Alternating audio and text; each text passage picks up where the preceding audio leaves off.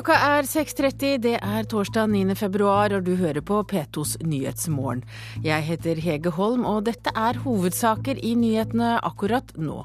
Hver femte SV-velger er usikker på hva han eller hun skal stemme, viser ny meningsmåling.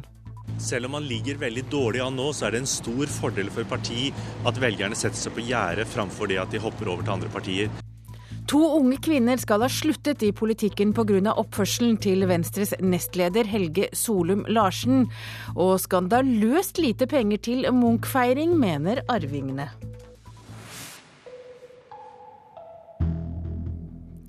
Hver femte SV-velger er usikre på om de skal stemme SV på nytt, viser en meningsmåling Norstat har gjort for NRK. SV har lavest velgerlojalitet av samtlige partier, og ligger så vidt over sperregrensen med en oppslutning på 4,2% Vet du hvem dette er? Eh, nei, beklagelig. Det er helt greit. Han er lederkandidat i SV, sier det deg noe? Ah, ja, eh, ja, jeg har hørt om eh, at dere prøver å få finne nye ledere og Heikki Holmås heter han, husker du det da? Heikki Holmås? Ja. ja, det skal jeg huske. Det er det er bra. En av SVs lederkandidater på jakt etter mulige sympatisører i Oslos gater. En måned før landsmøtet i Lillestrøm er partiet inne i en velgerkrise. Med en oppslutning på 4,2% beveger partiet seg farlig nær sperregrensen. SV har lav lojalitet og lekker som en sil. Men eh, kanskje mer oppløftende, partiet har mange velgere som har satt seg på gjerdet, og som kanskje kan komme til å stemme SV igjen. Det gjør at partiet har potensial, mener valgforsker Bernt Årdal. Selv om man ligger veldig dårlig an nå, så er det en stor fordel for parti at velgerne setter seg på gjerdet framfor det at de hopper over til andre partier.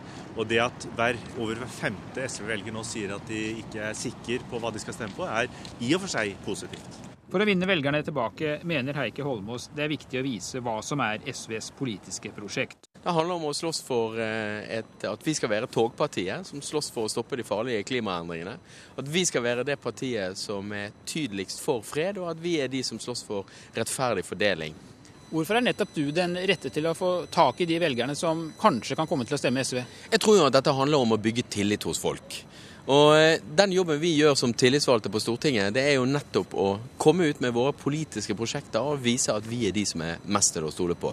Den viktigste jobben for en ny SV-leder nå er å sørge for at vi får ned de norske klimautslippene.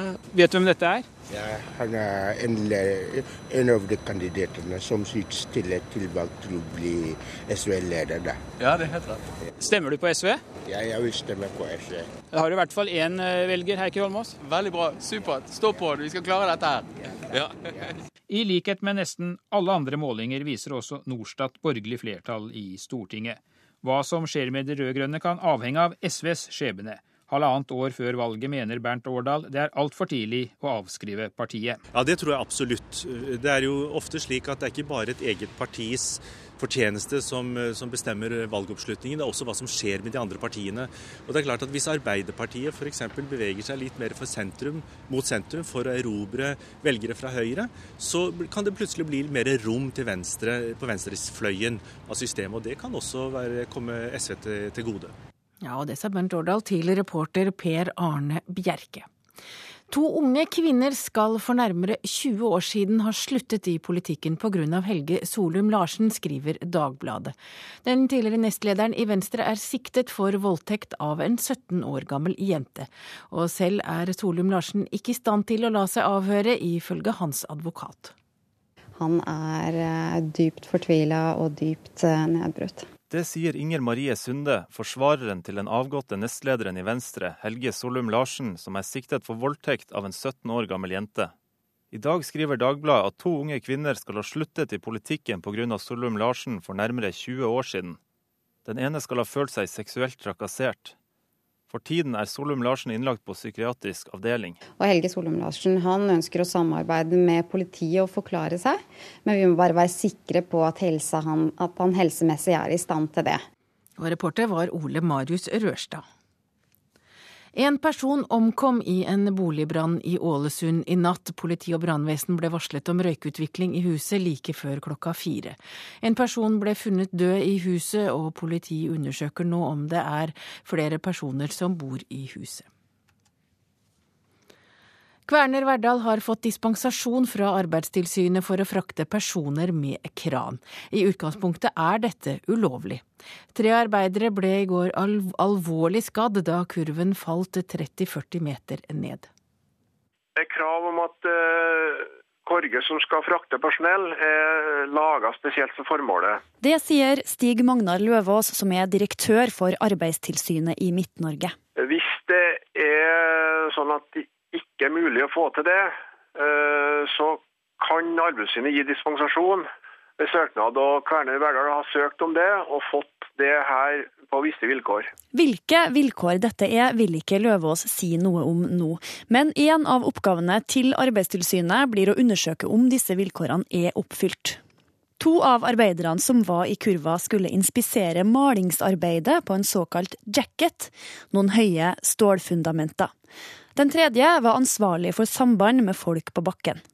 Mens de tre var i arbeid i kurva 30-40 meter over bakken, gikk det galt. Jeg har fått uh, melding om at det da er, har vært et uh, brudd i en del i krana som gjør at uh, korga falt ned. Og reporter var Randi Lillealteren. Dersom drapsdømte Osman Omer Osman kommer til Norge, blir han pågrepet og varetektsfengslet. Han er dømt for medvirkning til drap på sin norske kone Marita Strøm fra Namsos, og han rømte fra et irakisk fengsel for en måned siden. Vi har en bestemmelse i straffesaksloven som sier at eh, kan pågripes hvis det å være på frifot er noe som er egnet til å støte allmennhetens rettsfølelse eller å skape utrygghet. Sier førstestatsadvokat i Trøndelag Bjørn Christian Suknes.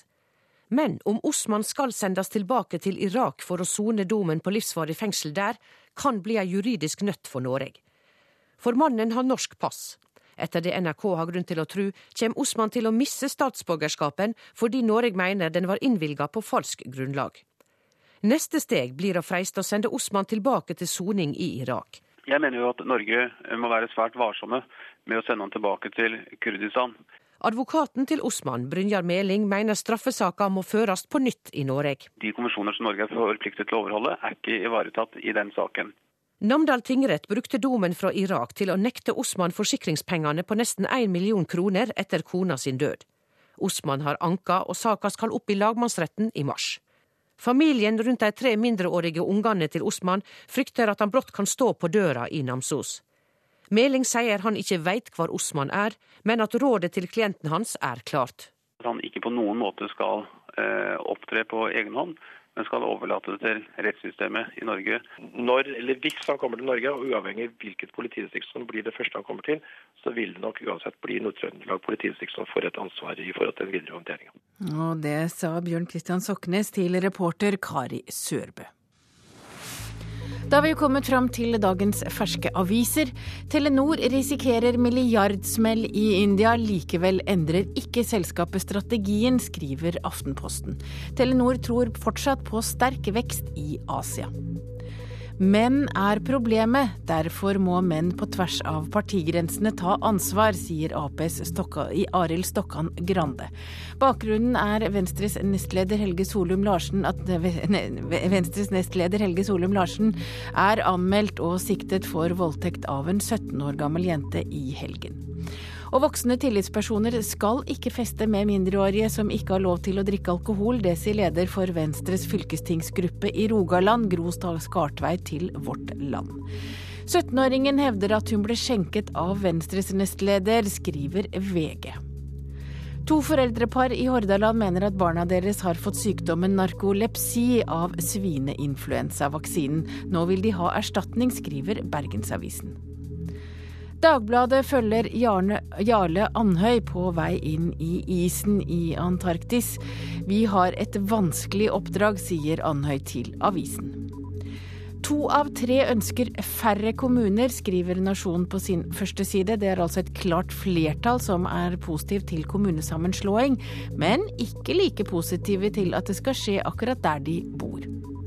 Og Dagens Næringsliv forteller, der forteller de om Akta-gründer Fred A. Ingebrigtsens vekst og fall. Og han forteller selv om hvordan han strødde om seg med gaver til venner og familie. Anders Behring Breivik mener sakkyndigrapporten er latterlig og full av feil, men han har ikke tatt stilling til konklusjonen. Det sier Breiviks forsvarere til Klassekampen i dag.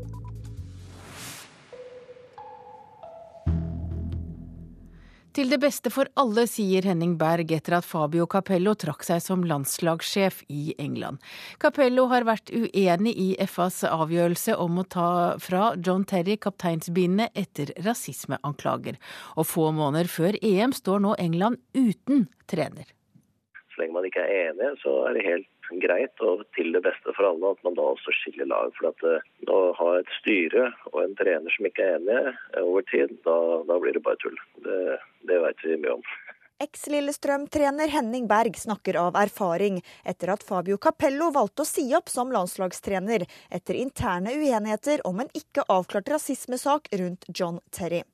Enkelte overtramp har jeg aldri tolerert, så dette var en enkel avgjørelse for meg å ta, sier Capello. Det at landslaget nå står uten trener bare måneder før EM til sommeren, tror ikke Berg har så mye å bety.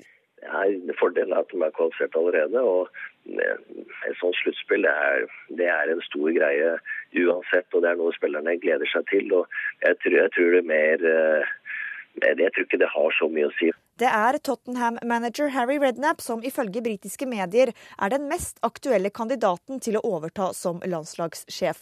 Og Henning Berg er av samme oppfatning. Han har stor suksess i Tottenham. Han, har vært en, han er engelskmann, som er ekstremt viktig nå, tror jeg, etter at han har hatt en del utlendinger. Uh, han er uh, erfaren. Har vært engelsk manager i mange, mange, mange år. så av de engelske kandidatene, så, så ligger han klart lengst framme. Men skulle det engelske fotballforbundet overraske alle og velge en annen, tror Berg det kan bli tøft for den nye treneren. Eh, skulle man da velge noen en helt annen kandidat, som eh, når hele pressen og media gjerne vil ha Rednap, og Rednap har lyst sjøl og de velger noe annet, så blir det en litt tøffere vei inn for, for det nye. Ja, dette kan bli spennende. Reporter her var Ingrid Sørli Glomnes. Du hører på Nyhetsmorgen i NRK P2 og Alltid nyheter. Klokka er 6.42, og dette er hovedsaker i nyhetene akkurat nå. Hver femte SV-velger er usikker på hva de skal stemme, viser ny meningsmåling. To unge kvinner skal ha sluttet i politikken pga. oppførselen til Venstres nestleder Helge Solum Larsen. Og før sju får du høre at Norge har ingen kulturelle tradisjoner på Unescos kulturarvliste. Og myndighetene har heller heller ikke prioritert søknad i år.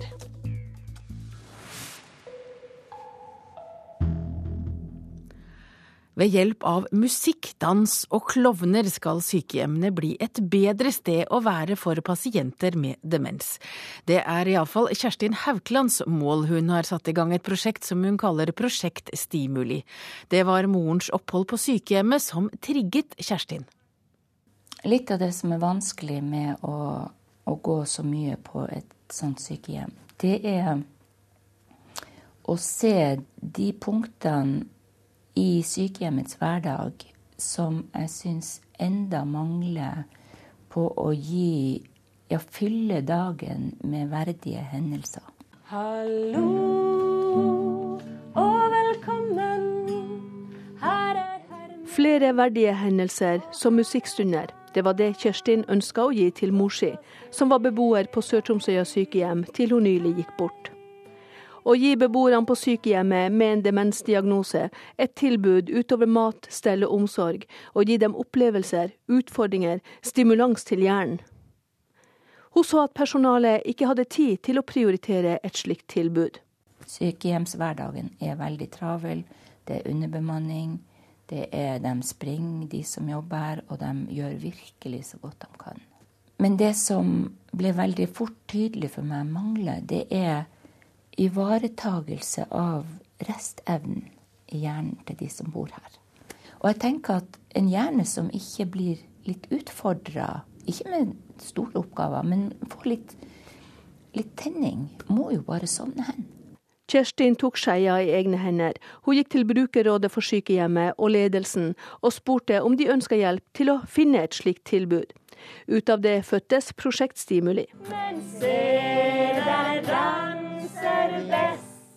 Gjennom prosjektet har beboerne fått musikk, og de skal få flere tilbud. Vi bestemte at det, skulle, det vi skulle finne frem til av stimulanser, det skulle handle om musikk og om bevegelse. Og så begynte jeg å lete. Jeg fant frem til noen som kaller seg klokkeklovnene, som ikke er sirkusklovner, men som bruker eh, klovnens depersonaliserte uttrykk til å være personlig, og til å nå helt inn til et litt bortreist menneske.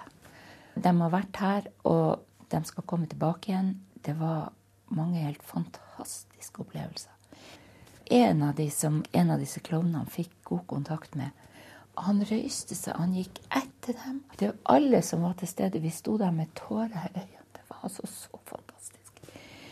Planen er å utdanne egne klokkeklovner og musikkterapeuter i Tromsø. I tillegg skal de bruke en metode som heter bevegelser fra hjertet, som innebærer at personalet skal jobbe på en ny måte. Det bare handler om mennesker som har kunnskap om litt andre måter å gjøre det du gjør fra før, som kan bringe nettopp den stimulansen inn i hverdagen. Min kongstanke er at disse tingene som dette sykehjemmet nå jobber med å få implementert, det skal bli hverdagen i alle sykehjem. Ja, og Det håpet hadde altså Kjerstin Haukeland, det fortalte hun reporter Laila Lanes. Drammen kan bli religionsnøytral, det ønsker i hvert fall kommuneadministrasjonen. Rådmannen foreslår at kommunal forvaltning og tjenester blir tros- og livssynsnøytrale. Kommunen vil f.eks. ta over ansvaret for gravferdsforvaltningen fra Den norske kirken, skriver Vårt Land. Bussjåfører etterlyser bedre forhold for bussene i området ved bussterminalen og Bjørvika i Oslo. I forrige uke var det igjen kaos etter at nye deler av Bispelokket ble stengt. Planen er å gjøre om hele den gamle trafikkmaskinen. Statens vegvesen oppfordrer folk til å kjøre kollektivt, men også bussene står nå i lange køer. Du må krige for å komme fram sier bussjåfør Sverre Holmen. Jeg har kjørt buss i over 30 år, og jeg har aldri hørt noe annet enn at vi skal bli prioritert. Men uh, de skulle jo da lagt det til rette så at bussen kom fram. En ungdom. 120. Han kjører buss fra Oslo til Fredrikstad Hvaler, og han må hver dag kjøre gjennom området der den store trafikkmaskinen Bispelokket nå rives. Når du kommer inn der på Bjørvika, da stopper stopper det helt opp, og da blir du stående der i, i sted mellom fire og fem minutter når det ikke er kø, og da plutselig så bruker du 15. Jeg har ikke gjort så mye i dette området der som kan eh, lette på det trykket. Sier byggleder i Statens vegvesen, Geir Sorte. Stadig nye kjøremønstre og færre felt fører til at trafikken står i rushtiden ved Bjørvika, og noen ganger langt innover i sentrum. Sorte sier at de foreløpig ikke har andre tiltak i ermet enn å be folk om å kjøre andre veier, og oppfordre folk til å kjøre kollektivt. Men det mener bussjåfør Holmen hjelper lite, når også bussene står. Når myndighetene sier at, skal, at de skal styrke kollektivtrafikken, så forventer jeg at vi kommer fram, ikke at vi må stå i kø. Sorte fra Statens vegvesen sier at de er klar over at kollektivtrafikken har problemer med å komme frem det kommer veldig mye trafikk inn fra Kvadraturen inn mot uh, Oslo S. Og vi ser at den uh, hindrer kollektivtrafikken. Men bør dere ikke da gjøre mer for at bussene skal eh, bli prioritert? Kanskje en må hindre biltrafikken til fordel for kollektivtrafikken. Men uh, det, vi har ikke noe tiltak klar foreløpig. Hei. Hallo. Pendlerne på bussen til Fredrikstad er ikke begeistret for køene. Eh, forrige uke opplevde jeg da å stå i kø oppe på Bispelokket en halv time hver ettermiddag. Det virker underlig, eh, den ordninga man har laga til, med bussene som må kjøre alle veier. Å stå en halv time sånn i motsatt kjøreretning litt meningsløst, ja. Og for bussjåfør Sverre Holmen er arbeidsdagen blitt litt som en flaskehals. Det blir som at når du skal sette en flaske på hodet, så skal alt ut gjennom tuten, og da bobler det jo. Og sånn er det jo i rushen her òg. Ja, Nå sier Statens vegvesen da at trafikken vil lette noe til sommeren. Da åpner nemlig rampen til vestgående tunnel i Operatunnelen. Og reporter her var Tuva Gaarder Nordli. Influensaen i Norge er nå å regne som i et utbrudd. På Vestlandet og Sørlandet er de hardest rammet, mens resten av landet så langt har sluppet lettere unna.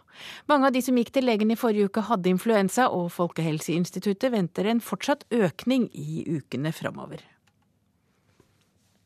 I går ble den omreisende Munch-utstillingen åpnet i Frankfurt. Utstillingen har allerede vært en publikumssuksess i Paris. Her i Norge har arrangørene av Munchs 150-årsjubileum bare fått en tiendedel av det Henrik Ibsen-året fikk i offentlig støtte. Det er skandaløst lite, mener Munch-arvingene. And I would also like to thank the people of Frankfurt for the warm welcome. I hope we will have the opportunity to welcoming you to Norway in 2013 when we will be celebrating the 150th anniversary of Edvard Munch's birth. Thank you. Vielen Dank.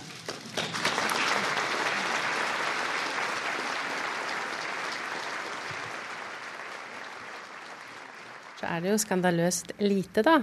Hvis uh, man skal ri på bølgen med Munchs popularitet fra Paris nå, nå går det videre til Frankfurt og så London, så kan man jo kanskje tenke seg at det koster. Så 4,5 million, det holder kanskje ikke.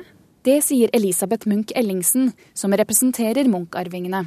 Hun mener Norge må ta bedre vare på arven etter Munch. Det er flott at Ibsen-året ble viet så fikk så mye midler, og at det ble en suksess. Men det syns jeg også Munch-året kan få lov til å bli. Jeg kan jo ikke fri meg fra å se dette litt i sammenheng med hele Lambda-diskusjonen. Og da tenker jeg det er den politiske viljen til å, å, gi Edvard Munch den plassen han fortjener. Både nå med omgjøringen av Lambda og, og nå med jubileet. La, la Munch få den plassen han fortjener. Også Høyres Olemic Thommessen i Stortingets kultur- og familiekomité synes de offentlige bevilgningene er lave. Det er klart at 4,5 millioner er lite, fordi eh, det er rett og slett ikke eh, så veldig mye, verken på utstillingssiden eller på annen måte du får ut av de pengene. Thommessen mener staten må stille som garantist for å sikre at Munchs malerier blir vist fram til folk over hele landet neste år. Problemet er i Norge, altså innenlandsutstilling.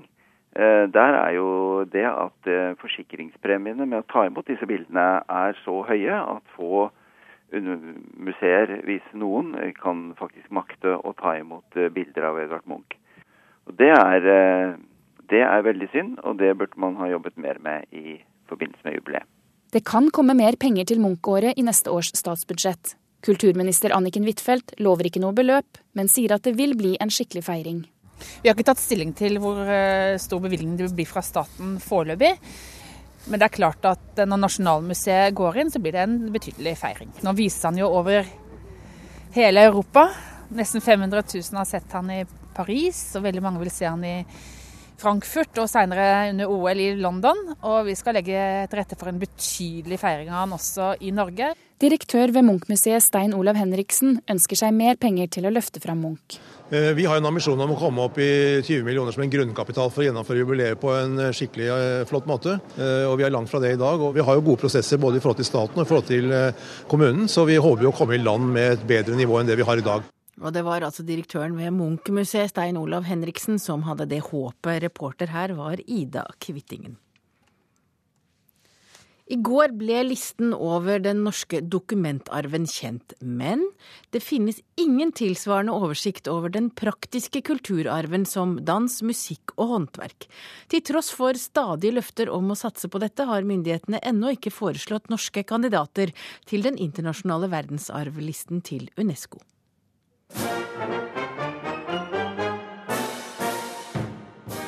Korpsmusikk kan bli et av de norske bidragene til Unescos liste over viktig kulturarv i verden, om Norges Musikkorpsforbund får viljen sin. Det kan gi etterlengtet status for korpsene, tror president Per Kvistad Uddu. Skolekorpsmusikk er typisk norsk, og eh, Unescos eh, konvensjon skal verne om den type virksomhet som er unik på verdensbasis. Det som kommer med på den lista over immateriell kulturvern i Unesco, det blir da verna av eh, vedkommende nasjon. Og Det betyr at skolekorpsene ikke får kjempe for hver krone til drift hvert evige år. Den immaterielle kulturarven er det som gjøres av mennesker som språk, folkedans og korpsmusikk. I dag står mer enn 200 bidrag fra land over hele verden på lista over tradisjoner som er viktige å bevare. F.eks. historiefortelling fra Kina.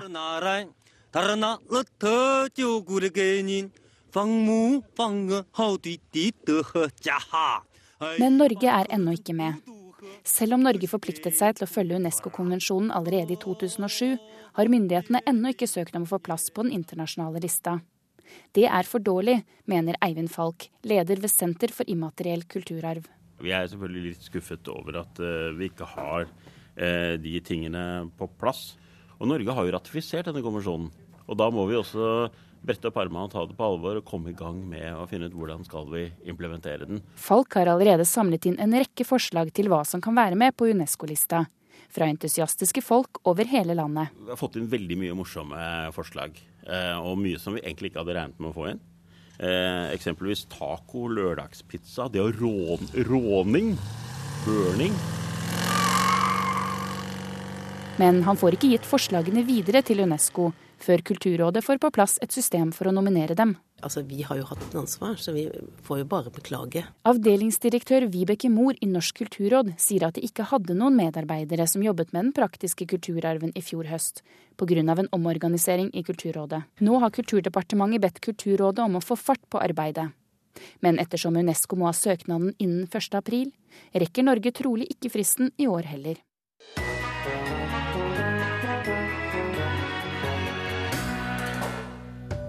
Nå kommer snart maskinen som leser tankene dine, men vil vi egentlig ha det? Forskerne som står bak ser for seg at den som f.eks. har mista en arm, kan drive protesen med egen tankekraft. Men hva annet kan den slags teknologi brukes til? Hør fra ekspertisen i Radioselskapet etter Dagsnytt klokka 11. Du hører på P2s Nyhetsmorgen. Om noen minutter så er klokka sju, og derfor har vi nå tid før sju til et værvarsel. Og det er et varsel som gjelder fram til midnatt. I Langfjella sør for Finse ventes det skyet eller delvis skyet, trolig oppholdsvær. Rondane, fjellstrøkene Dovrefjell, svenskegrensa, fjellstrøkene Trollheimen, Jotunheimen og Langfjella nord for Finse sørlig frisk bris. Dreiende sørvest med kuling utsatte steder i høyfjellet. Skyet eller delvis skyet kan hende litt snø i vestlige strøk fra i ettermiddag. Østlandet og Telemark skyet eller delvis skyet oppholdsvær, men utrygt for litt snø lengst nord i kveld.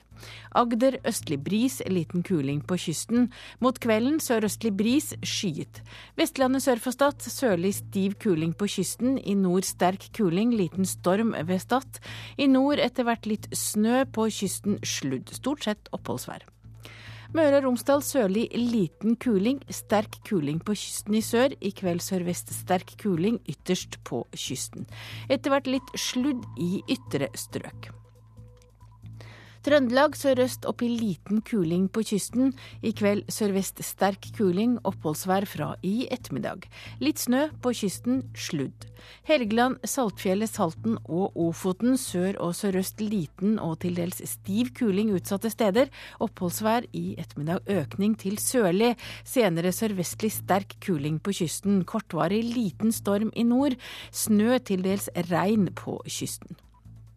Lofoten og Vesterålen sørlig stiv og til dels sterk kuling. I kveld dreiende sørvestlig med kortvarig liten storm, etter hvert sludd eller regn. Troms sørlig stiv kuling utsatte steder, stort sett oppholdsvær. I kveld sør og sørvest sterk kuling på kysten. Litt snø, til dels regn på kysten. Finnmark sør og sørvest stiv og periodevis sterk kuling utsatte steder. Stort sett oppholdsvær. Og så er det Nordensjøland på Spitsbergen. Vestlig liten kuling. I kveld nordvestlig frisk bris. Litt sludd eller snø. Så har vi temperaturene som ble målt klokka fire. Svalbard lufthavn to grader. Kirkenes minus elleve. Vardø minus seks. Tromsø, Tromsø, Langnes og Bodø fire grader. Brønnøysund tre. Trondheim-Værnes to. Molde minus to. Bergen, Flesland og Stavanger null. Kristiansand, Kjevik og Gardermoen minus seks. Lillehammer minus åtte. Røros minus seks og Oslo-Blindern minus fire grader. Og det var altså temperaturer målt klokka fire. Du hører på P2s Nyhetsmorgen. Det er øyeblikkelig tid for en nyhetsoppdatering.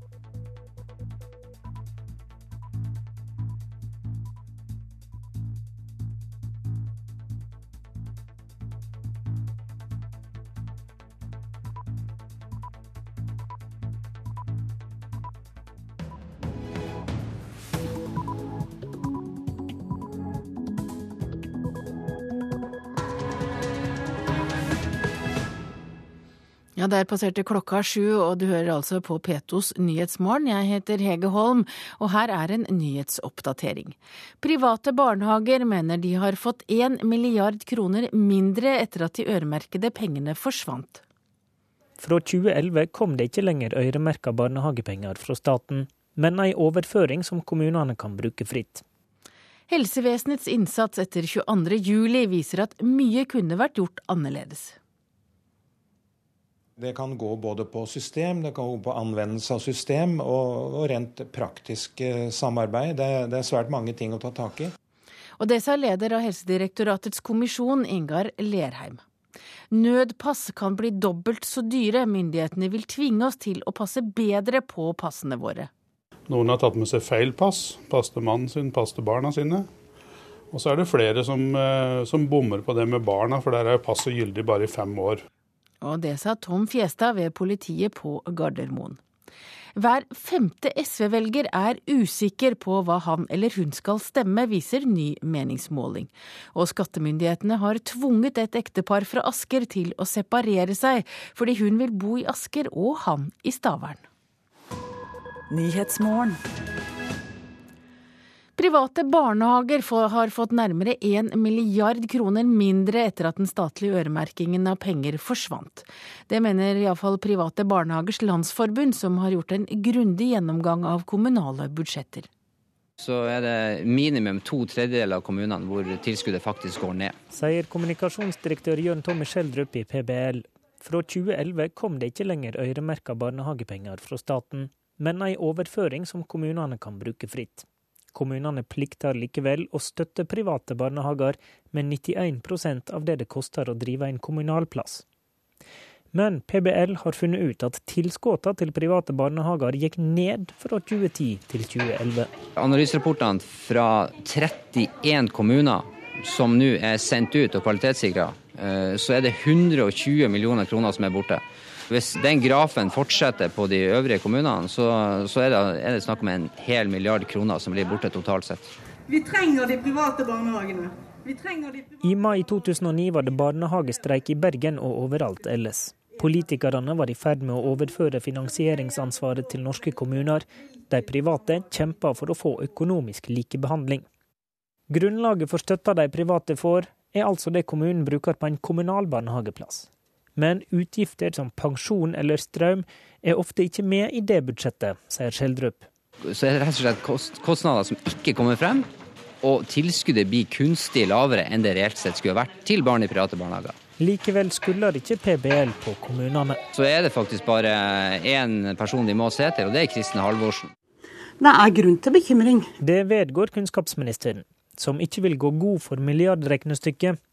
Men det skal uansett ikke gå mindre penger til barnehagene nå, sier hun. Ja, det er ikke intensjonen i det hele tatt. Det som har vært intensjonen, er at kommunene skulle få ansvaret for barnehagene, fordi de er et veldig viktig del av det kommunale tilbudet. Eh, men vi er avhengig av at kommunene tar det ansvaret som de har bedt om å få, og at de sørger for at de private barnehagene har forutsigbare rammer når det gjelder økonomi.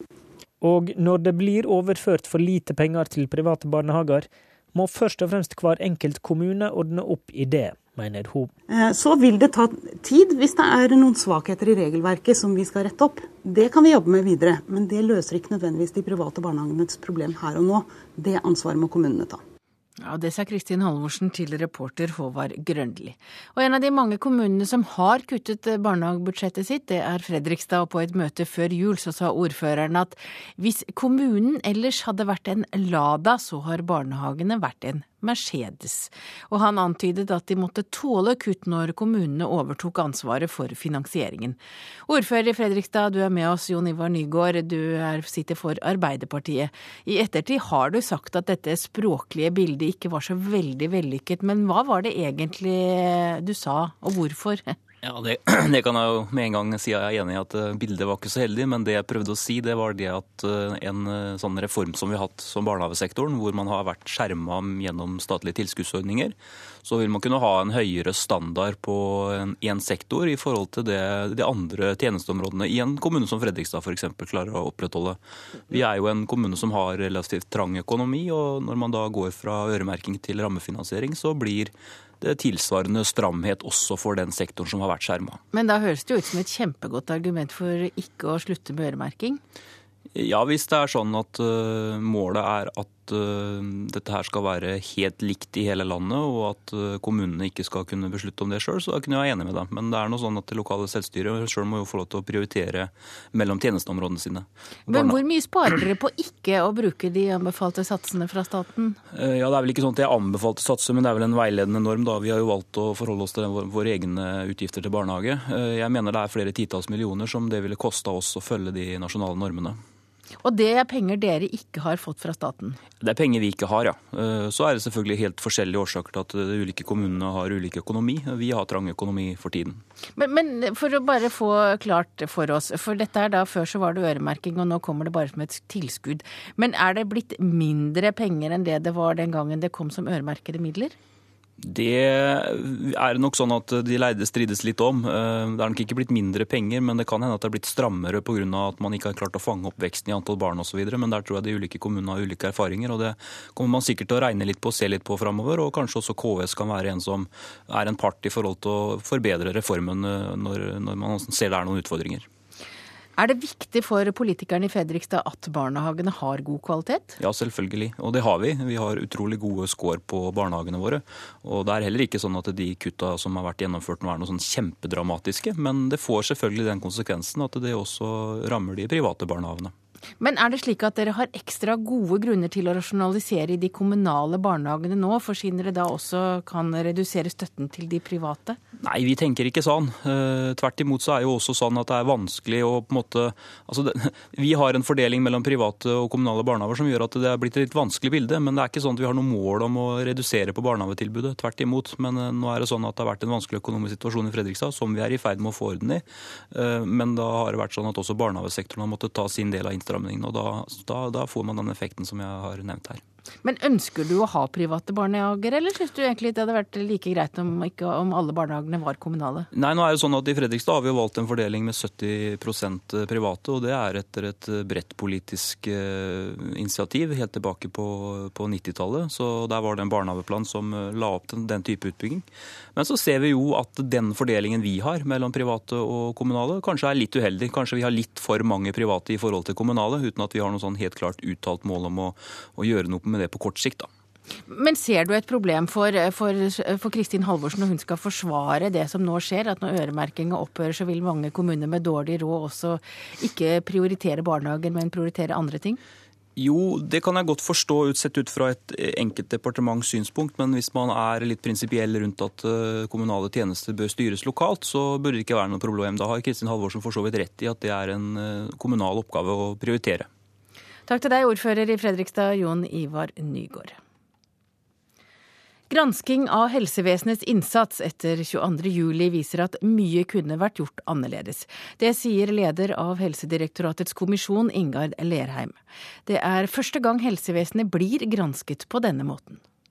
Det er alltid noe vi kan eh, vurdere til å være gjenstand for forbedring, uansett hvilken situasjon vi har vært igjennom. Og det er noe av hovedhensikten med det oppdraget som vi har fått. Han gransker de som reddet liv, systemet, helsevesenet. Ingar Lerheim, leder av Helsedirektoratets kommisjon, skal om en måned levere sin rapport om hvordan helsevesenet fungerte 22.07 og i ettertid. Han har funnet 70-90 områder som kan forbedres. Det kan gå både på system, det kan gå på anvendelse av system og, og rent praktisk eh, samarbeid. Det, det er svært mange ting å ta tak i. Ambulanser i regjeringskvartalet.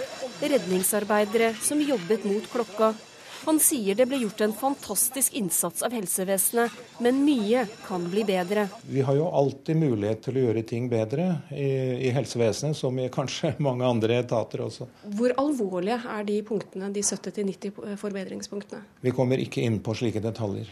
9.3 skal granskningsrapporten presenteres av helseminister Anne Grete Strøm Eriksen. En stor del av rapporten vil handle om den psykososiale oppfølgingen. Hvordan overlevende og pårørende har det i ettertid. Psykososialt arbeid er noe som går over svært lang tid. Den akuttmedisinske innsatsen den gjøres umiddelbart og i de etterfølgende dager og uker når alle operasjoner er ferdig, den fysiske rehabilitering godt i gang. Vel, hva er så igjen? Langtidsoppfølgingen av de hardest rammede. Det er en, kanskje en utfordring som aldri slutter for enkelte, enkelte vedkommende. Derfor så må det legges mye arbeid i det. Men vi, vi har funnet det riktig å, å la det kapitlet være svært stort. Et internasjonalt organ skal kikke granskningskommisjonen i kortene. Totalt 13 personer, helsedirektører fra Sverige, England og Danmark, og fageksperter med erfaring fra katastrofer, skal passe på at kommisjonen gransker rett. De ser også på de konklusjoner og eh, forslag vi har til endringer i, i planverk og samarbeidsformer osv. Så, videre. Så de, de, kikker oss i korta, og det er et uh, viktig ledd i det å objektivisere rapporten vår mest mulig. Hvor viktig har det vært å ha med seg dem?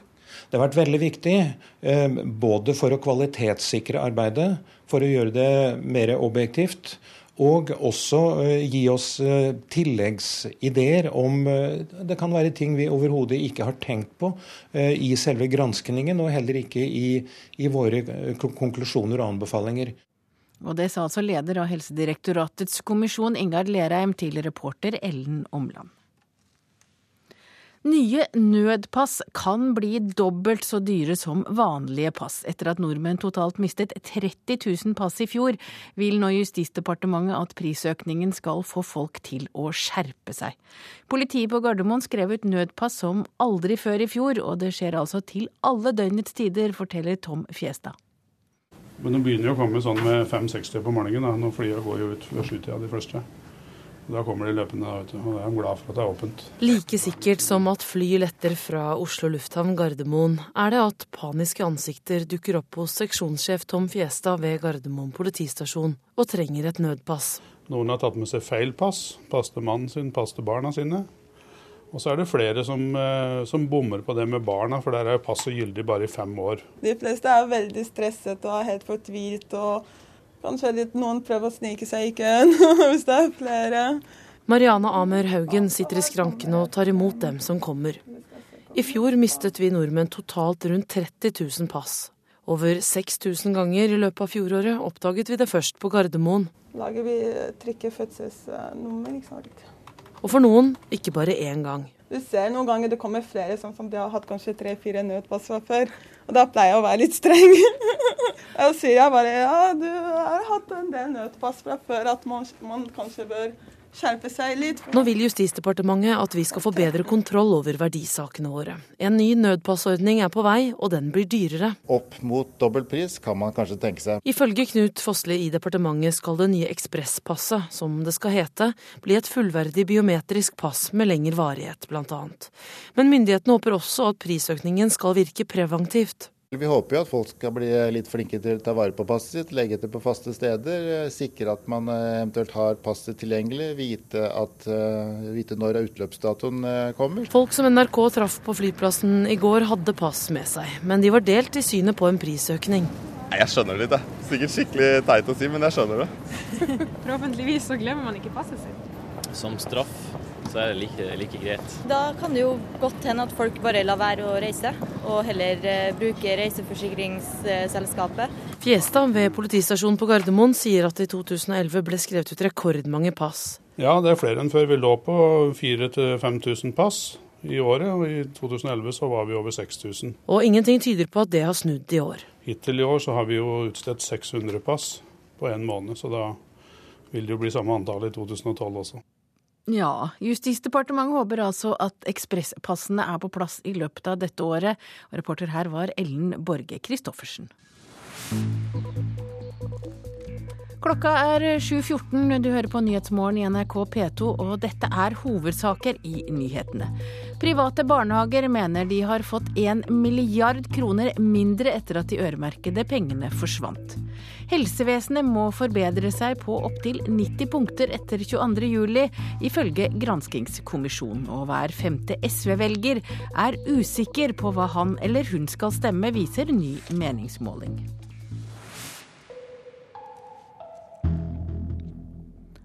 I Syria fortsetter kampene etter at FNs generalsekretær Ban Ki-moon beklager at Sikkerhetsrådet ikke klarte å bli enige om en resolusjon mot president al-Assad.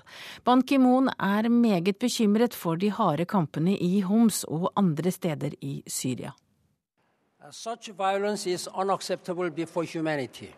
How many deaths will it take to halt uh, this dangerous slide toward civil war and sectarian strife? Slik vold er uakseptabel. Hvor mange må dø? Eh, er det i ferd med å bli en borgerkrig, sier FNs generalsekretær, som mener syriske myndigheter nå trapper opp krigen mot sitt eget folk. Og Sigurd Falkenberg Mikkelsen, du er i Libanon. Hva er det siste du har hørt om det som skjer i Syria? Nei, det opposisjonen uh, her i Beirut sier uh, til meg, altså det er disse lokale koordinasjonskomiteene som organiserer arbeidet lokalt, uavhengig av den, den, den militære motstanden. De sier at det er vanskelig å få inn medisiner, uh, at de nå sliter fordi kommunikasjonen med, store, med deler av byen er blitt vanskelig, at de har problemer med å nå dem på telefon, og at strømmen er kuttet i flere av de rammede bydelene. Eh, og så er det da også vannproblemer.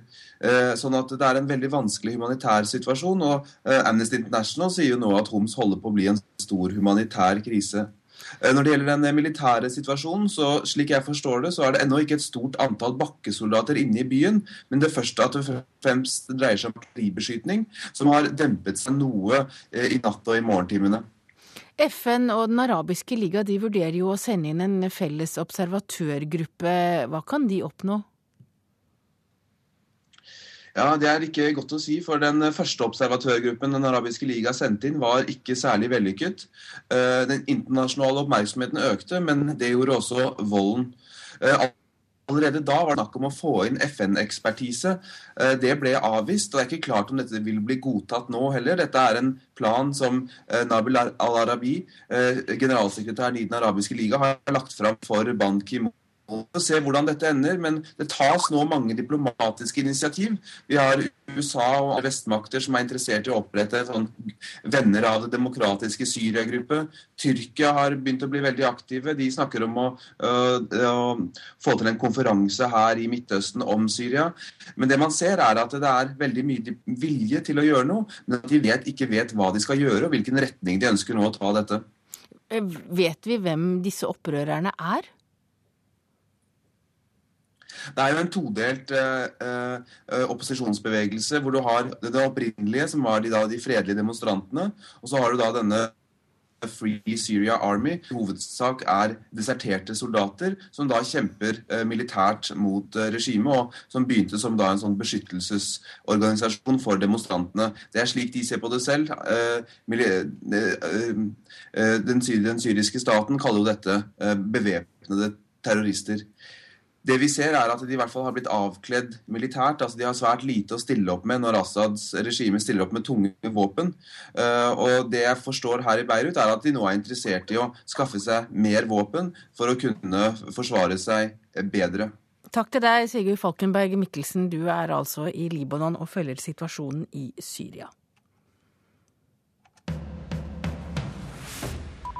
Det er flere meldinger fra verden der ute. Israels kompromissløse holdning overfor Iran kan få katastrofale følger, mener en representant for den russiske utenriksdepartementet.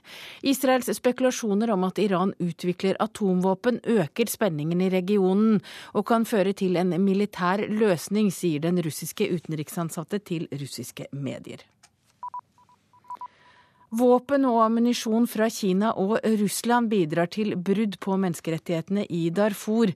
Det skjer til tross for FNs våpenembargo, skriver Amnesty International i en ny rapport. Kina og Russland forsyner Sudan med våpen, selv om det er helt klart at dette er brukt mot sivile, heter det i rapporten.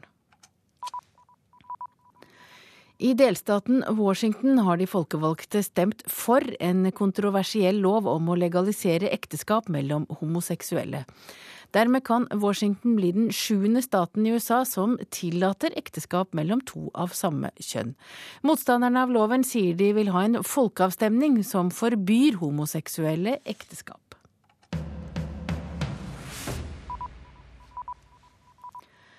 Greske politikere har nok en gang ikke blitt enige om kutt, og 20. mars har Hellas låneforfall tilsvarende over 100 milliarder kroner som landet ikke har penger til å betale.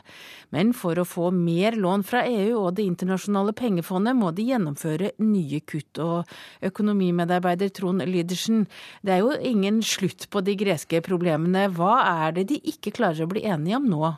Pensjoner. Eh, Hellas har noen av de mest sjenerøse pensjonene, eh, men i denne kuttrunden så er det lagt inn et forslag om å kutte, eller et krav om å kutte 15% i, i tilleggspensjonene. Det klarer de ikke å bli enige om. De har klart å bli enige om å redusere eh, minimumslønnen litt. De skal sparke 15 000 offentlige ansatte, men pensjonene den sitter langt inne. Og dette er krav for å få ut mer penger, og det er jo EU og Det internasjonale pengefondet og Den europeiske sentralbanken som sitter som dommere her. Og de eh, skal ha disse kuttene gjennom for å betale ut mer, så Hellas kan gå videre. Men dette er jo sånn rop om ulv, ulv, ulv. Er det konkursen vi står foran nå? En gang går det i konk, tror veldig mange. Men nå lite sannsynlig, tror veldig mange. Man regner med at grekerne samler seg etter mye press helt til slutt. Kommer gjennom med dette, får utbetalt pengene så de kan gå videre. Så når de er brukt opp, begynner sirkuset igjen. Takk til deg, økonomimedarbeider Trond Lydersen. Finansminister Sigbjørn Johnsen mener krisen i eurosonen viser tegn til bedring. De siste dagene har Johnsen besøkt kriserammede Portugal og Spania for å oppdatere seg på hva som gjøres, og han hadde med seg et par råd til sine kolleger i sør. På med topplua. Fra lykkelandet i nord til et kriserammet Spania. Finansminister Sigbjørn Johnsen trekker topplua godt nedover ørene i Madrid. Han er her for å høre om hva som gjøres for å løse krisa i Sør-Europa, og er ikke i tvil om hva som gjør ham mest bekymret. Det er jo det som er eh, det jeg kaller en virkelige krise. At det er eh, rundt 24 millioner mennesker uten eh, jobb i Europa, eller i EU-området.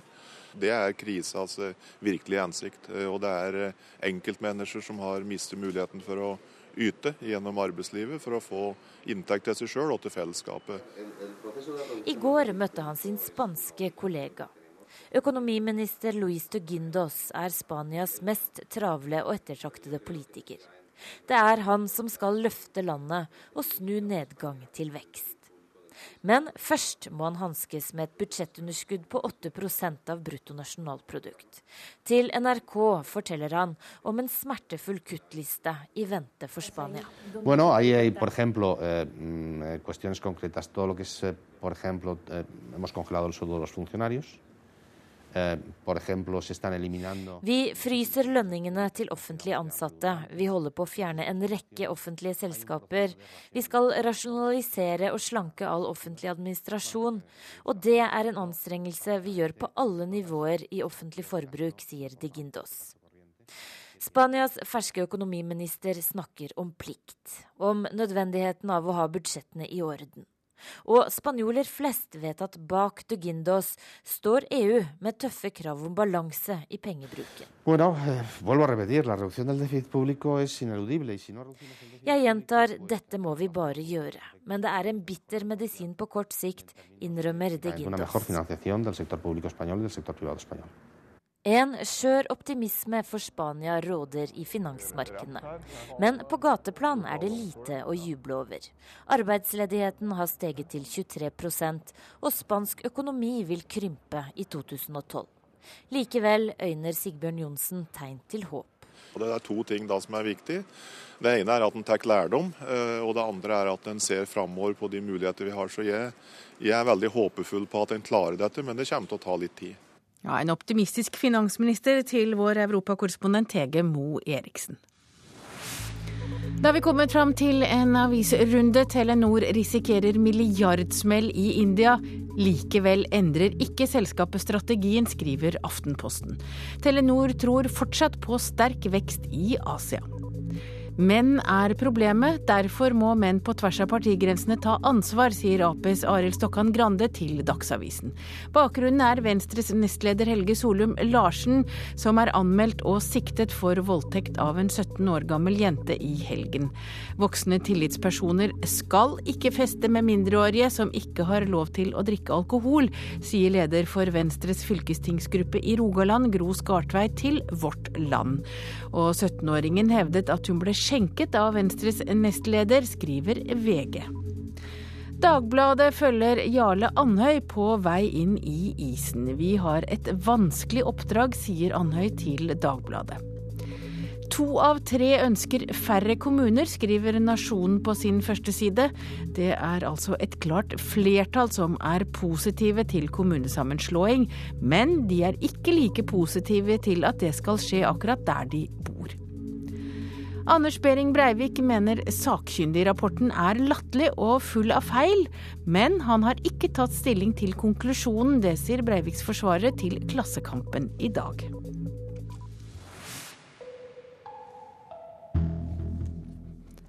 Skattemyndighetene har tvunget et ektepar fra Asker til separasjon fordi hun vil bo i Asker og han i Stavern. Fremskrittspartiet krever en lovendring slik at ektefeller som ønsker det, kan ha forskjellige bostedsadresser.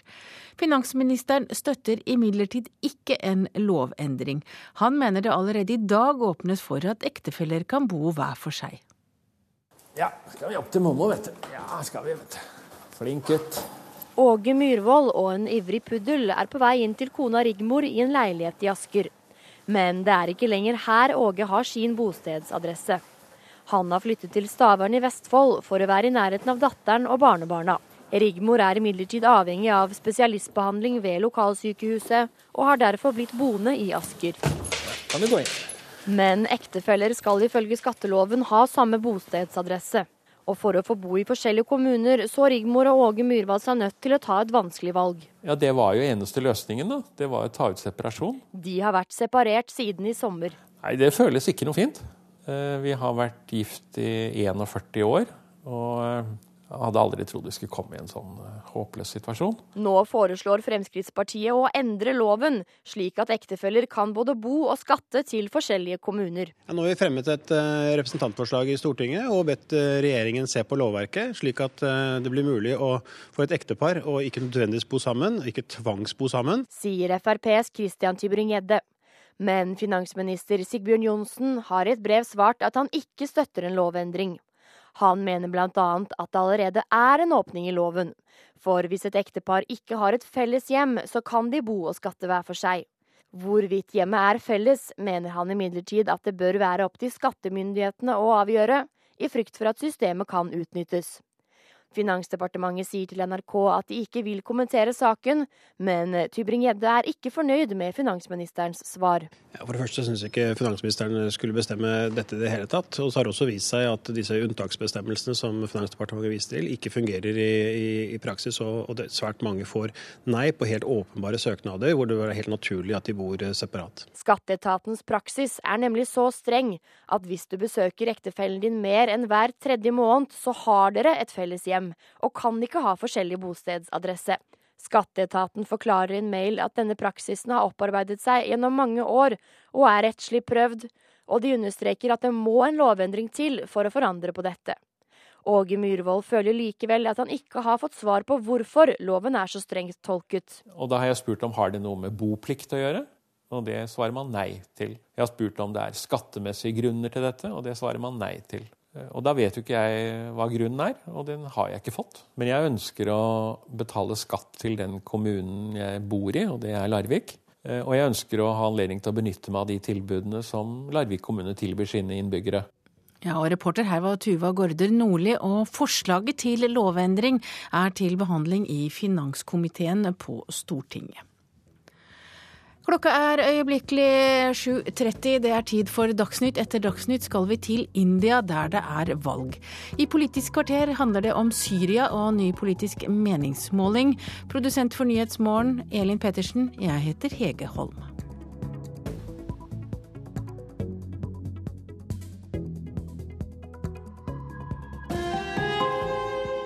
Hør ekko. Hva skjer hvis jobbsøkeren gjemmer seg bak et forheng og navnet holdes hemmelig? Jo, plutselig er det Mohammed og Aisha som ender opp med jobben, og ikke Ola og Kari. Hør om nye metoder som snur søkebunkene på hodet. Ekko 9 11 i NRK P2.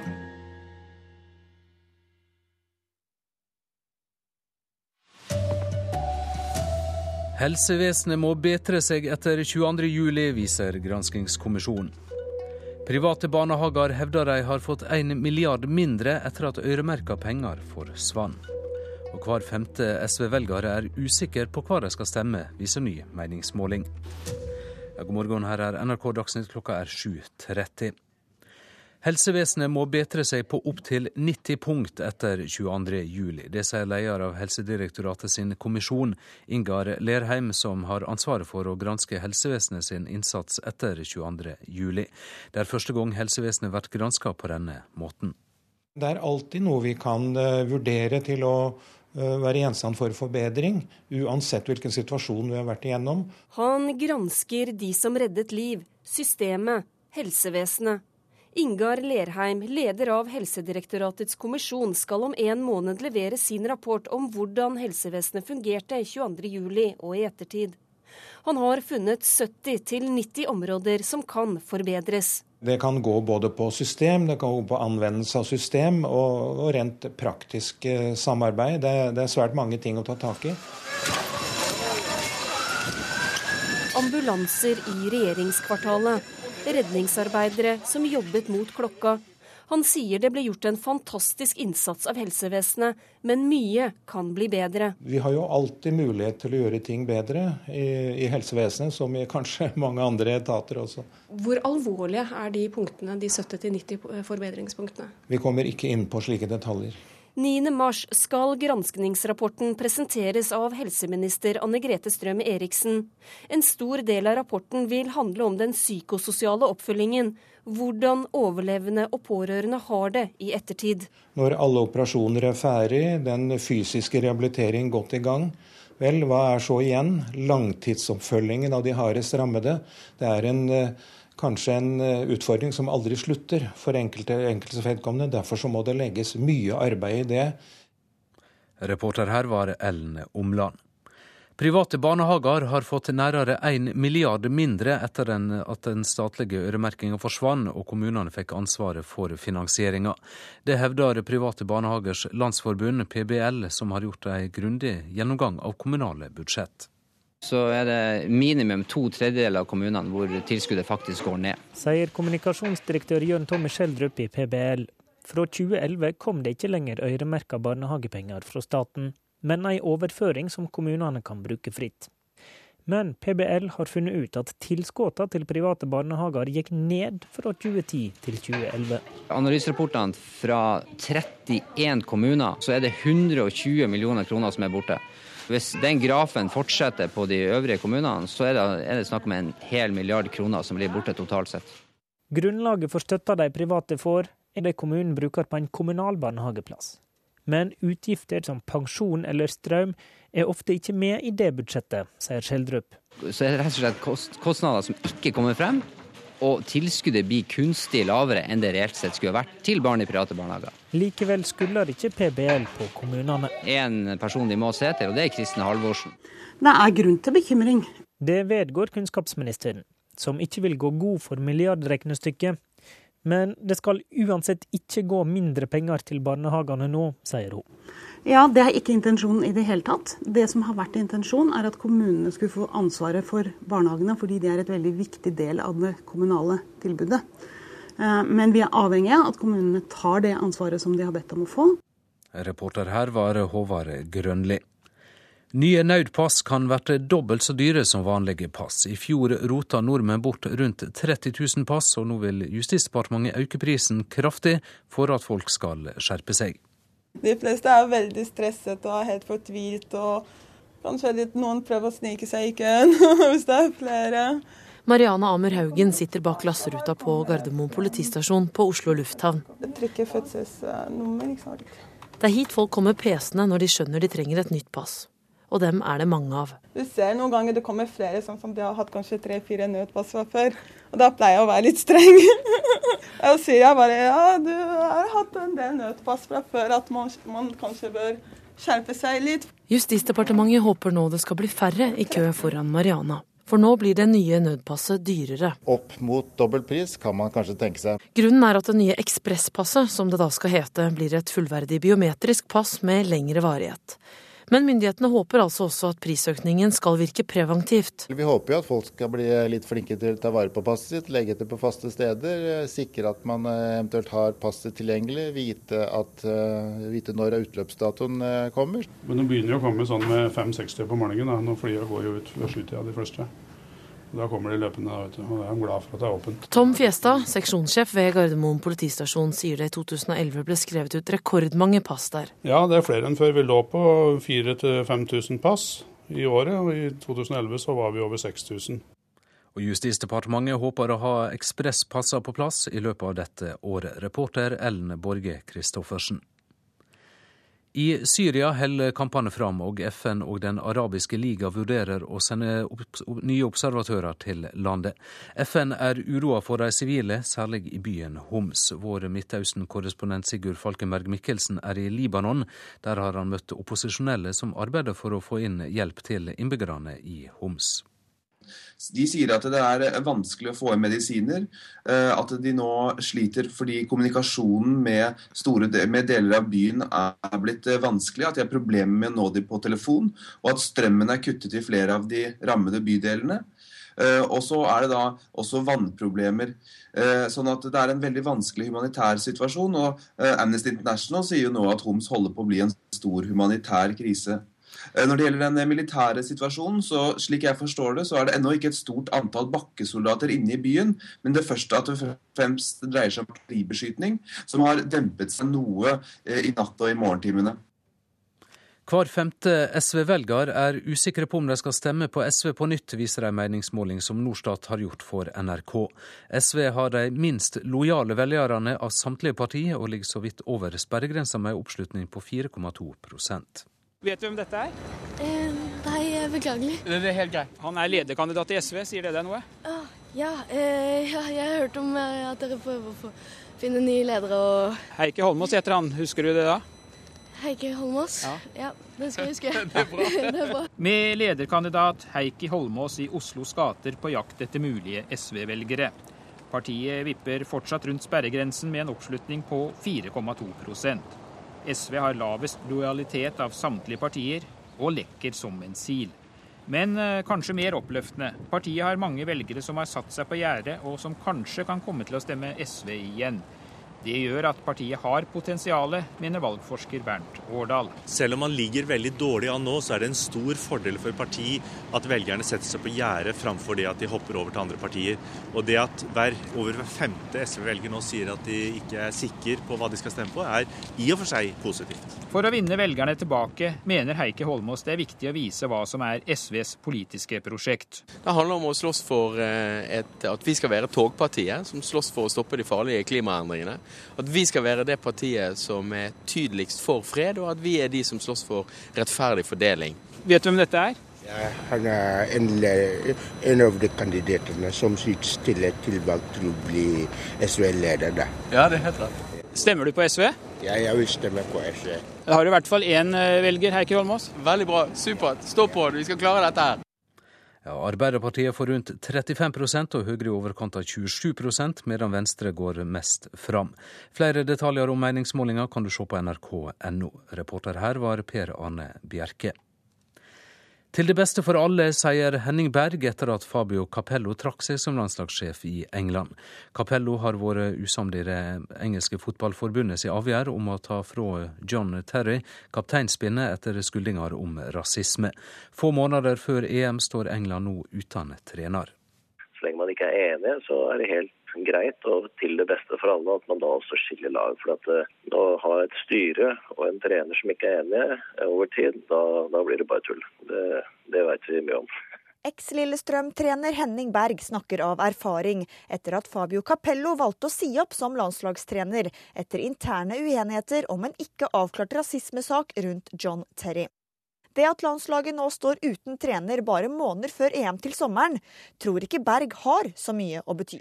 Ja, Fordelen er at de er kvalifisert allerede. og Et sånt sluttspill er, er en stor greie uansett. og Det er noe spillerne gleder seg til. og Jeg tror ikke det har så mye å si. Reporter her var Ingrid Sørli Glomnes. Ansvarlig for denne sendinga er Arild Svalbjørg, teknisk ansvarlig Frode Thorshaug og i studio Odd Christian Dale.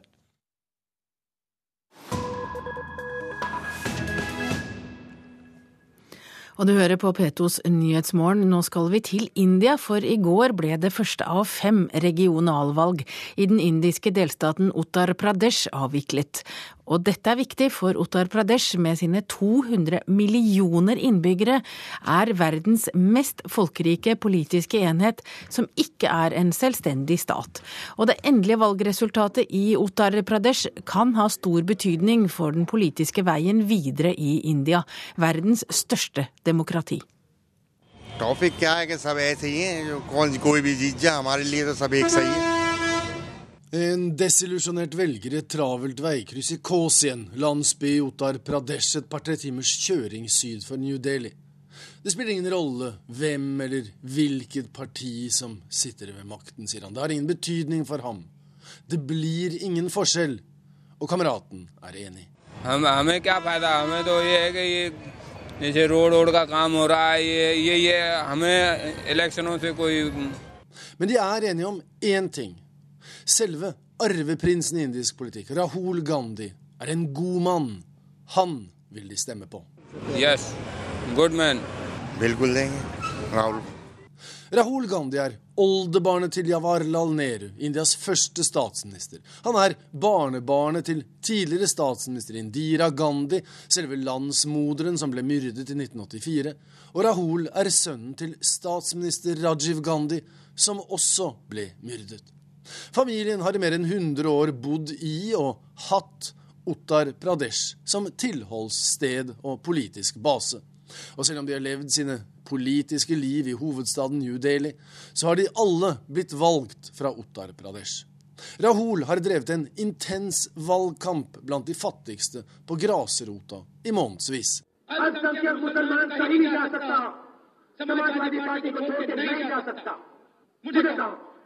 Den 41 år gamle Rahul er allerede påsatt som Indias neste statsminister. Men han er uten særlig politisk erfaring, karisma eller kløkt. Men han er femtegenerasjons Nehru Gandhi i rett nedadstigende linje, og det er nok. Og han lever nå på mange måter opp til forventningene. Han har drevet kampanje på grasrota og overnattet hos de aller fattigste og marginaliserte siden i fjor høst. Han har, som Barkadut, en av indisk TVs fremste journalister, sier, satset mye personlig prestisje på et godt resultat for kongresspartiet ved dette delstatsvalget. But one thing's for sure, given how much Rahul Gandhi has personally invested in this campaign, whatever happens, victory, defeat, or an improvement will be associated with him.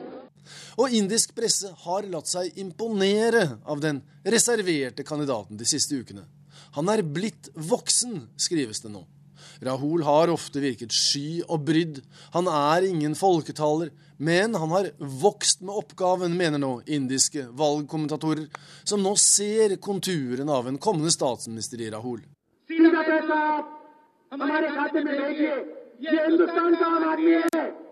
Han har tilbrakt mye tid i Otar Pradesh, og de første reaksjonene tyder på at det kan ha gitt resultater. Fremmøteprosenten i går var 62 mot 46 for fem år siden. Tradisjonelt har velgerne i Uttar Pradesh stemt etter kastegrenser og religiøse skillelinjer. Den høye valgdeltagelsen kan tyde på at delstatens mange unge velgere nå er i ferd med å legge dette bak seg, og at arbeidsplasser og utdanning er viktigere. Noe som igjen kan tyde på en viss suksess for Rahul Gandhi og dermed kongresspartiet. Og det sa altså Joar Hoel Larsen fra India. Du hører på P2s Nyhetsmorgen, eh, og jeg heter Hege Holm. Klokka er nå 7.44, og dette er hovedsaker i nyhetene akkurat nå. Helsevesenet må bedre seg på opptil 90 punkter etter 22.07, viser granskingskommisjonen. Private barnehager mener de har fått 1 milliard kroner mindre etter at kommunene overtok de øremerkede, øremerkede pengene, og nye nødpass kan bli dobbelt så dyre som vanlige vanlige pass. Og da har vi kommet fram til politiske Politisk kvarter, eh, og det blir mer om en fersk meningsmåling, eh, Siri Hjorts. Ja, her i studio har jeg besøk av eksperter som kan tolke tallenes tale. Men vi begynner kvarteret i Syria.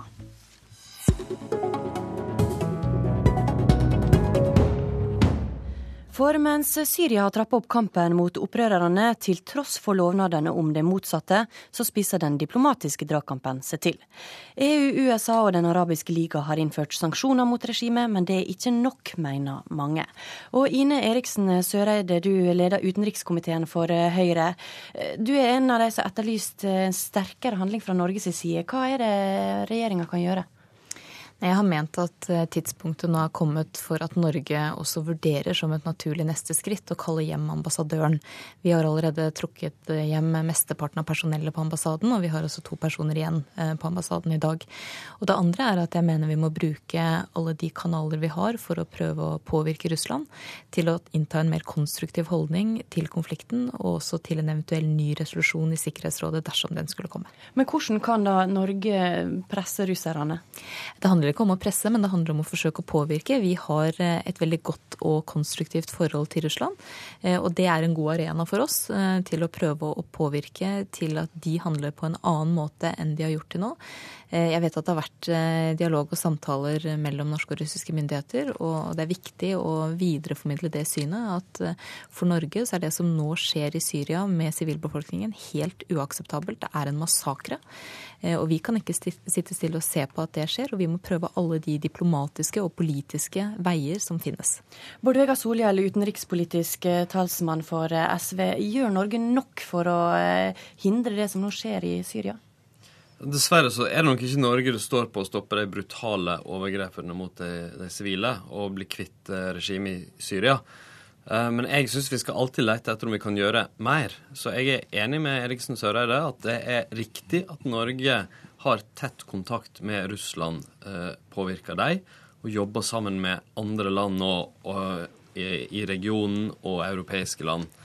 Så er nok min oppfatning at så lenge sikkerheten er god, så skal vi jo være klar at det at Norge er til stede diplomatisk, har en ambassadør i Syria, faktisk er en måte vi kan ha kontakt med opposisjon på. Vi kan få ut viktig kunnskap om det som skjer der. Eh, og jeg tror ikke det fungerer som noe legitimering. Det er ingen som er i tvil om Norges eh, negative holdning. Det som er det store problemet her, er jo at eh, noen land nå har gitt en slags, særlig Russland, en legitimitet til regimet. Eh, og at man ikke får lagt det sterke internasjonale presset og støtta opprørerne i Syria godt nok. Ja, Ine Eriksen eh, Søreide, altså eh, Russland har sagt de vil gå inn og forhandle her. Hvordan ser du på mulighetene for at det vil få noe positivt utfall? Jeg ser på det som et nokså fåfengt forsøk. Lavrov var i Damaskus for to dager siden og ble jo selvfølgelig mottatt med stående ovasjoner. Det er jo ikke så rart med tanke på hva Kina og Russland gjorde i Sikkerhetsrådet. Eh, han kom tilbake fra møtene med Assad med to budskap. Det ene var at alle de land som nå eh, har mulighet til å påvirke opposisjonen til forhandlinger, må gjøre det. Hvilket jo viser at Russland er på helt feil side av historien. Eh, det er jo primært Assad og regimet som må legge ned våpen og slutte å angripe sin egen sivilbefolkning. Det andre budskapet han kom med, var at Assad var rede til både grunnlovsendringer og fred.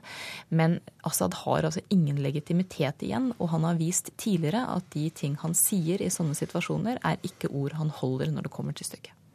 Nei, land som Russland og Kina kunne jo faktisk spille en rolle, altså land som har kontakt med Syria. Hvis de virkelig støtter det som heter den arabiske fredsplanen, altså den planen som sier at eh, Assad må gå av, og at man må innlede en prosess mot demokratisering. Men lite tyder på at de faktisk har gjort det. Eh, og det er egentlig veldig synd, fordi det hadde trengtes nå eh, landkrefter som har kontakt med regimet, men som er villige til å si du må gå av det, din tid er slutt. Dere må stoppe voldsbruken mot de som demonstrerer. Se hva som har skjedd i andre land i regionen. Men Eriksen Søreide, altså, det det er snakk om her, er jo da denne FN-resolusjonen som Russland og Kina har eh, stemt imot. Men eh, altså, hvor sannsynlig er det at en slik resolusjon skal føre til at Assad går av? Altså Ethvert diplomatisk skritt som kan tas, må tas. Eh, og det gjaldt i forhold til Libya, der man jo hadde en resolusjon 1970 eh, som handla om diplomatiske tiltak, eh, før man fikk resolusjon 1973 om militær, militære tiltak. Og jeg er veldig enig i det Bård Vegar sier om at både Kina og Russland kunne spilt en rolle. Det som også er bakteppet her, er jo at Syria er jo gjenstand også for en del storpolitiske konflikter, mm. som man nå ser veldig tydelig, hvor man altså får en allianse allianse av arabiske land og Vesten på den ene sida, og man har en allianse av Russland og Iran på den andre sida. Og det er klart at Russland ønsker jo også å vise nå at de spiller en rolle eh, med måten de da agerte i Sikkerhetsrådet, og måten de har agert eh, i ettertid ved å da eh, forsøke å reise til Damaskus og vise handlekraft. Men realiteten er at tidspunktet for dette er forbi. Eh, og det er altså nå, det som står igjen nå, er en fortsatt massakre og nedslakting av uskyldige sivile. FN slutta å telle da de kom til ca. 5500 eh, sivile dødsoffer eh, rundt eh, juletider. Og fortsetter det bare. Altså nedslakningen fortsetter bare. FN-resolusjonen var jo først og fremst viktig, fordi hvis den hadde blitt vedtatt, hadde den fortalt regimet i Syria at dere har ingen internasjonale støttespillere lenger. Mens nå ble det isteden fortalt at jo, vi har faktisk noen og ganske mektige som, som passer litt på oss. Så den, den innebar ingen nye sanksjoner eller militært angrep eller noe sånt, men det var bare et tydelig budskap dere er uten venner. Og, og det, tror jeg, det er det som er det riktige i det tilfellet her.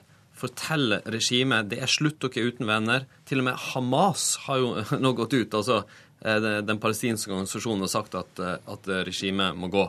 Og så må vi gjøre alt vi kan for å få en hjelp, få kunnskap om eh, demonstrasjonene, få ut eh, bildene, eh, sånn at de får den støtten de kan ha, og vi dokumenterer det som skjer for ettertida òg. Men Eriksen Søreide, enkelte hevder at det er dobbeltmoralsk av verdenssamfunnet å ikke snakke om bruk av militærmakt. Dette har pågått ganske lenge, denne her nedslaginga av opprørerne.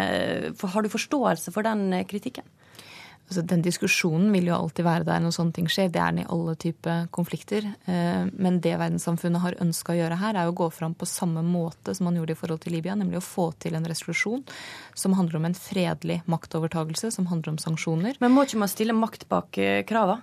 Jo, men I utgangspunktet så mener jeg at man må gå de veiene man kan diplomatisk og politisk først. Eh, og det har vært helt nødvendig å gjøre også i denne sammenhengen. Eh, og det er viktig å sende de sterke politiske signalene som verdenssamfunnet kan gjøre. Og nå har man en allianse der Den arabiske liga lager en fredsplan som verdenssamfunnet burde støtte opp om. I stedet har man altså sett at Kina og Russland valgte å vet, legge ned veto mot den, og dermed legitimere det som fortsatt skjer i eh, Syria nå. Kort til slutt, Solhjell. Det vil jo være en merkelig form for moral hvis normalen er å gå til krig, og så er det dobbeltmoral å ikke gjøre det. Libya var et unntak der, som skilte seg fra Syria på to punkter. Eh, ekstrem situasjon, eh, akutt fare i en spesiell situasjon, og en sterk, brei internasjonal støtte som ikke er der når det gjelder Syria. Når det er sagt, vi må gjøre mer eh, eh, for Syria. Det er en dramatisk situasjon, og regimet kommer til å falle, tror jeg. Da sier takk til Bård Vegar Solhjell og Ine Eriksen Søreide.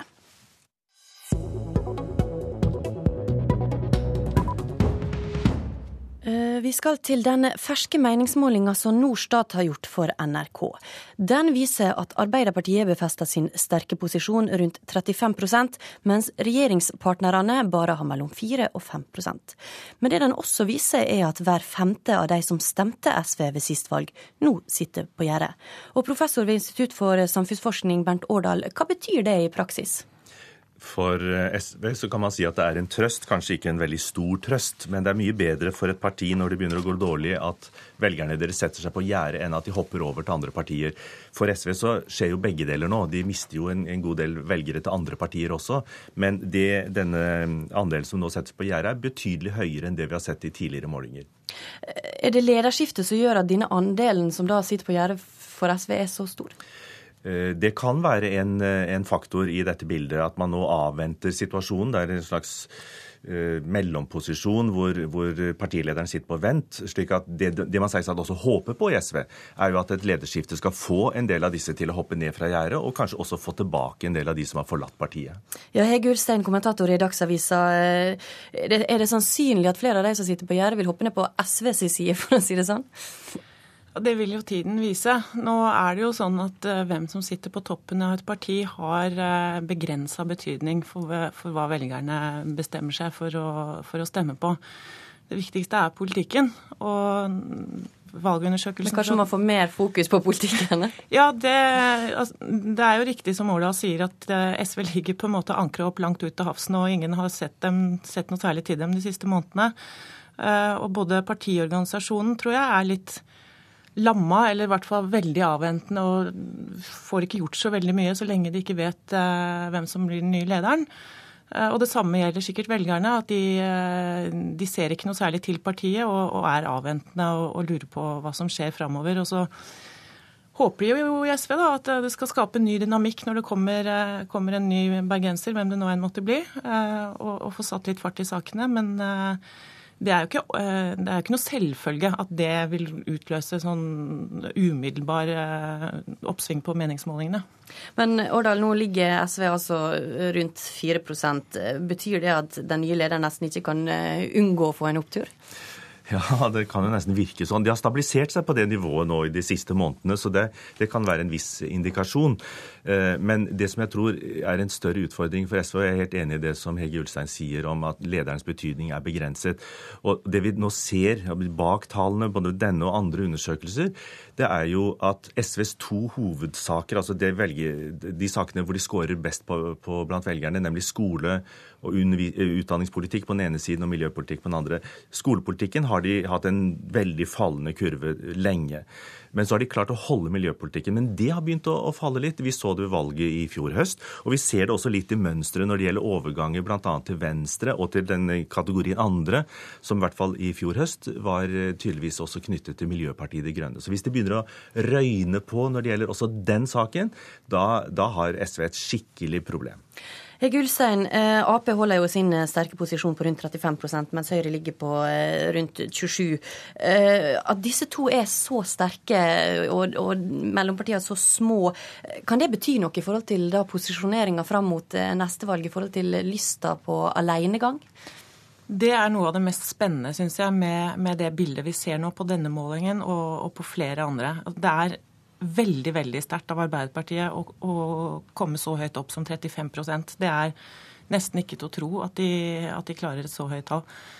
Eh, og Høyre har jo vært eh, store lenge, mens vi har sett at Frp har begynt å stabilisere seg på et mye mye lavere nivå. Og så har du sentrumspartiene og SV som ligger og hopper og danser litt sånn rundt eh, fire pluss, fire minus. Og vi kan jo ikke se bort ifra at, eh, at, når vi nærmer oss 2013, så vil det like mye bli en diskusjon om en ren høyreregjering og en ren arbeiderpartiregjering, eh, snarere enn de diskusjonene vi har hatt ved de forrige valgene, hvor det har vært en konstellasjon, en koalisjon på venstresiden med de rød-grønne, og en litt sånn noen merkelige diskusjoner på, på borgerlig side om hvem som skal samarbeide med hvem. Og det kan jo i så fall styrke den borgerlige siden igjen hvis hvis de med, med, en viss troverdighet kan si at en ren høyreregjering også er et reelt alternativ. og Da slipper de jo disse diskusjonene om hvem som skal sitte sammen med hvem osv. Bernt Årdal, eh, på denne målinga så gjør Venstre det bra. Eh, den er tatt opp før da denne voldtektssaken eh, kom i media. Men hvordan tror du at den kan slå ut for Venstre? Eh, når det gjelder denne fremgangen på akkurat denne målinga, så har nok det noe med at det, man lå veldig lavt eh, for Venstre på den eh, forrige målinga, så det blir en slags justering. Nei, det, det, det spørsmålet er et veldig viktig spørsmål, fordi eh, ingen vil jo si at denne type saker, altså voldtektsanklager mot en toppleder i et parti, skulle være noe vinnersak. Eh, og det tror jeg ikke nødvendigvis det ville bli denne gangen heller. Det er nok for smertefullt, og det får virkninger innad i organisasjonen som er veldig negative. Men samtidig så er det klart at den måten som eh, man har taklet det på, og ikke minst eh, den hva skal vi si, responsen man får fra det skrytet rett og slett man får fra veldig mange kommentatorer, kan jo bidra til å dempe den effekten. Men igjen så tror jeg nok at det vil være mer spørsmål om det politiske innholdet, politiske plattformen, ikke minst Venstres forhold, en del av den diskusjonen som, som Hege Ulstein nå nevnte om regjeringsspørsmålet framover, at det kanskje vil, vil være mer utslagsgivende? Hege Hegge Ulstein, du er en av de som eh, skryter i dag av Venstre sin håndtering av saken. Hva innvirkning tror du det får?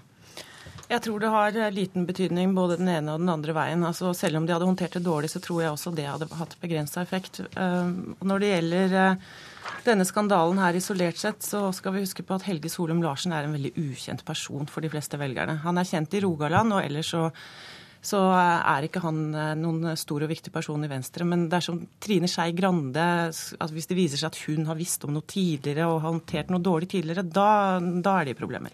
Da sier jeg takk til Hege Ulstein og Bernt Årdal. Eh, og det blir mer, mer om målinga finner du på våre nettsider nrk.no. Og i studio så takker Siri Gjørts for seg.